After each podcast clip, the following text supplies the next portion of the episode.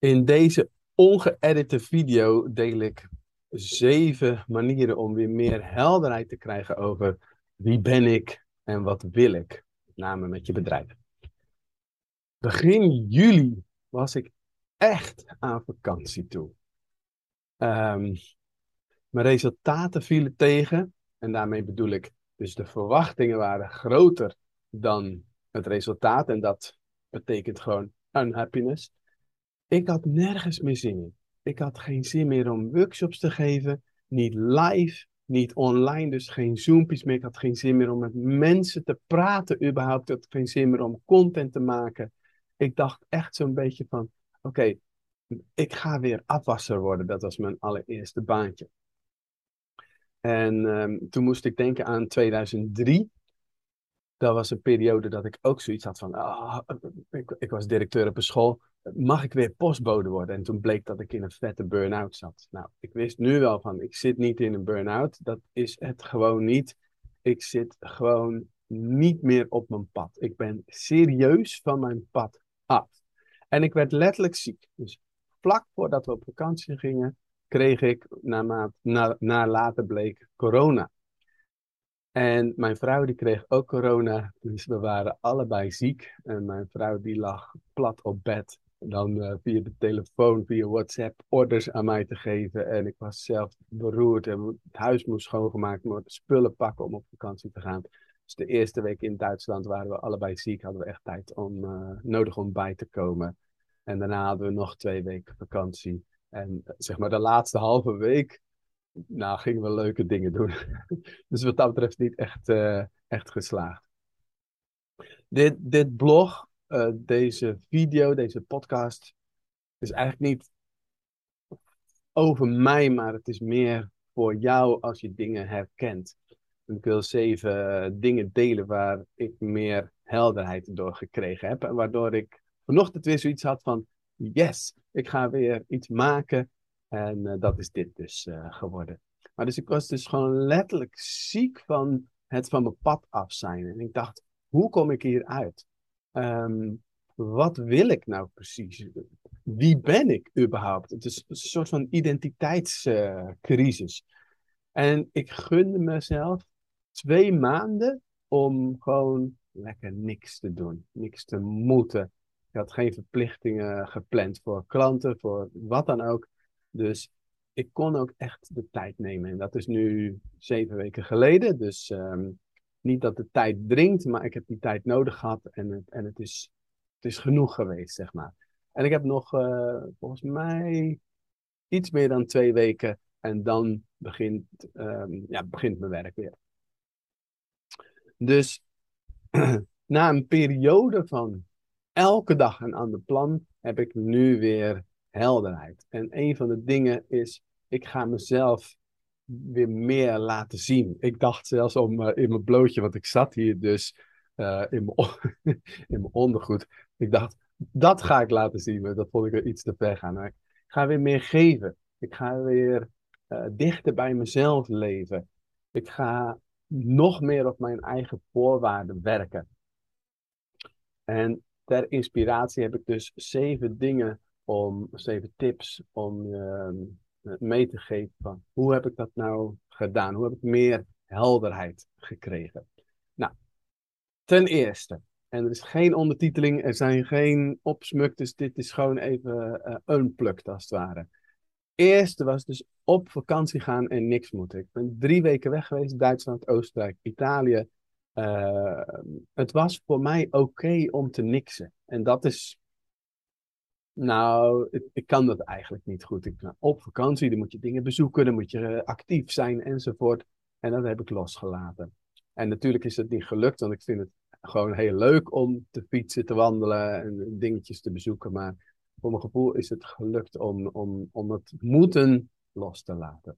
En normaal neem ik ook een stapel boeken mee. Echt zo'n stapel. En nu, ik had volgens mij twee boeken bij me en die heb ik nou, amper amper aangeraakt.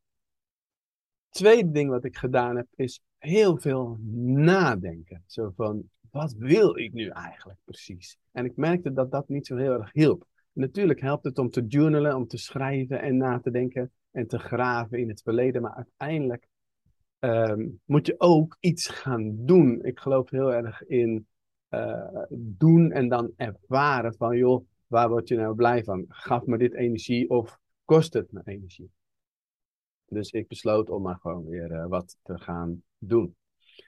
Het derde was, ik heb heel veel gepraat. Ik heb gepraat met mijn vrouw, met, met vrienden, uh, met familie wat minder moet ik trouwens zeggen, of helemaal niet. Uh, met bevriende ondernemers, met een aantal coaches. En, en dat hielp. Dat hielp dus veel beter. En soms was het genoeg om te vertellen van wat er aan de hand was. Soms was het genoeg om te mailen waar ik in zat. En soms maakte ik gewoon speciaal een afspraak met een coach.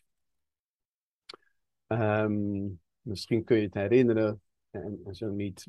Ik deel nog wel een filmpje ervan. Samen met Aramik Garabidian had ik ook voor de vakantie een uitzending gedaan waarin we kwetsbaar onze tegenvallende resultaten deelden. En daaruit ontstond een denktank. Er waren 15 mensen maar liefst die zich aanmelden voor: hey, Hugo, Aramiek, we willen wel meedenken met je van uh, wat is er aan de hand in de maatschappij en hoe zou je je weer aan kunnen passen? Wat zou je anders kunnen doen om die resultaten weer te verhogen? En daar is al één uh, bijeenkomst van geweest. Daar ben ik heel dankbaar voor. Vierde was dus eigenlijk denken, maar doen. Dus ik ben heel erg gewoon maar gaan doen. Waar heb ik zin in? Als vraag stellen. Oh yes, dan gaan we dat doen. En um, ik zeg altijd maar niets voor niets heb ik een passie voor actieve en ervaringsgerichte werkvormen, zoals Hunter in werkvormen ontstaan. Ik geloof heel erg in, in doen, in ervaren. Nou, daar hou ik het eventjes uh, bij. De vijfde tip is jezelf kennis vergroten. En daarmee ook een stukje zelfacceptatie uh, creëren. Hoe doe je dat? Zelfkennis vergroten?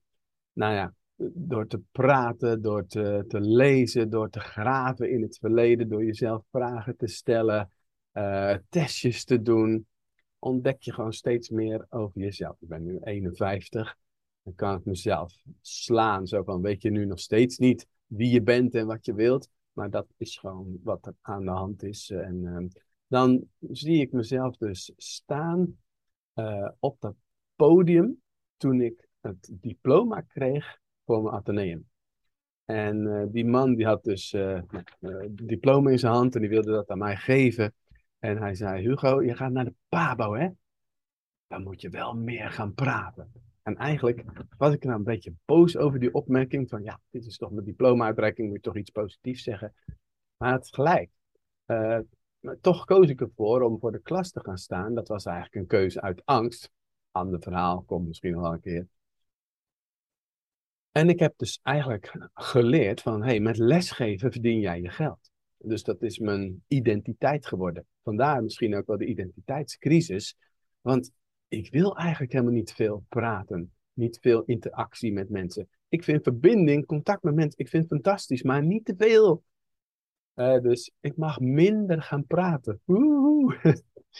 en zo praten tegen een camera is eigenlijk prima, oké. Maar een dagtraining geven of heel veel Zoom-calls op een dag of door een week heen, dat kost me gewoon energie. Ondanks dat ik kan genieten van nou ja, het samen zijn met mensen. Dus meer zelfkennis is meer zelfwaardering, is meer zelfvertrouwen. En dus is dat ook meer op je eigen voorwaarden gaan werken. Zo kom ik op puntje nummer 6 en dat is lef. Lef om besluiten te nemen. Um, en soms moet je eerst iets loslaten voordat je weer iets anders kunt vastpakken. Misschien is dat altijd wel het geval. Um, dus iets loslaten zonder dat je weet wat voor consequenties het heeft. Wij zetten vijf jaar geleden ons huis te koop, omdat we wisten van we wilden naar een andere plek, naar een plek met meer rust, ruimte en natuur. En toen zei ik op een gegeven moment tegen mijn vrouw, weet je, we kunnen zoeken tot we het gevonden hebben, maar we kunnen ook zeggen van, we moeten dus eerst loslaten. We gaan ons huis te koop zetten en het verkocht. Um, en toen het eenmaal verkocht was, toen hadden we binnen no time een huurhuis gevonden op een plek in ons dorp waar normaal gesproken niks aan huurhuizen te vinden is. En vanuit dat huurhuis konden we op zoek naar ons droomhuis. En die vonden we binnen no time. Een plek, 3000 vierkante meter, vrijstaand huis, met meer rust, ruimte en natuur. Precies wat waar we jaren voor gebeden hadden. Dus ik heb een aantal met lef besluiten genomen die direct, dus, die, dus direct ruimte gaven.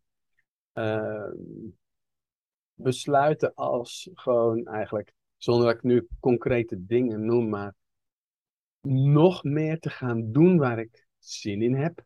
Uh, nog dichter bij mezelf te leven. Uh, niet meer alle ideeën die ik heb te willen uitvoeren. Minder te doen, minder te praten. Uh, waar ik mezelf wel en niet op social media laat zien. En ik heb natuurlijk besloten van ik ga niet meer op social media. Dat betekende Instagram en Facebook. Maar er is altijd natuurlijk nog LinkedIn en ik heb een Facebookgroep.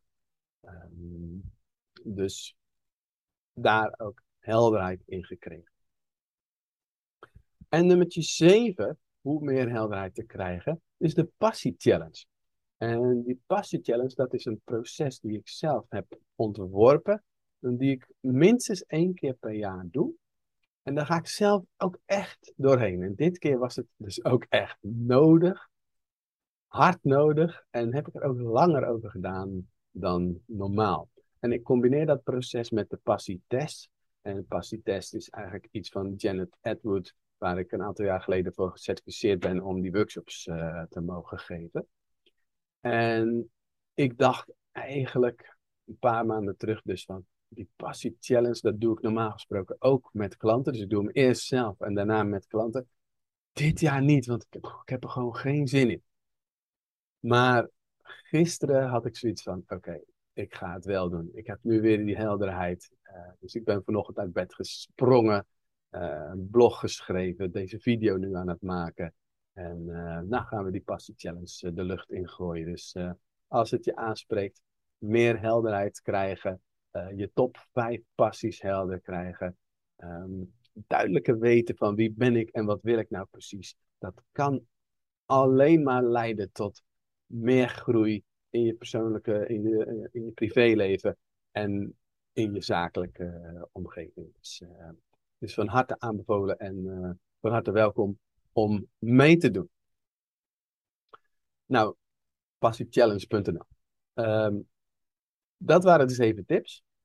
Misschien heb jij nog een achtste tip. Ik, ik hoop het eigenlijk niet, want zeven is echt zo'n getal van de volheid. Maar als je nog meer aanvullingen hebt, deel ze gerust hieronder en um, ja, ik denk dat je daarmee alleen maar iets toevoegt voor andere lezers. Dus uh, dat zou ik van harte aanbevelen. Dus dank je wel daarvoor alvast. En um, nou, ik ben ook benieuwd naar hoe je deze ja, vorm van delen hebt ervaren. Ik druk zo op uh, stop recording. Zit nu gewoon in een Zoom. Zoom die neemt het beeld en het geluid apart op. Dus uh, dat kan ik op YouTube delen en op Soundcloud op de Hugo Bakker podcast. Dus daar ben ik sowieso zichtbaar. Nogmaals, als je aanvullingen hebt of als je je inzichten wilt delen hieronder, geweldig.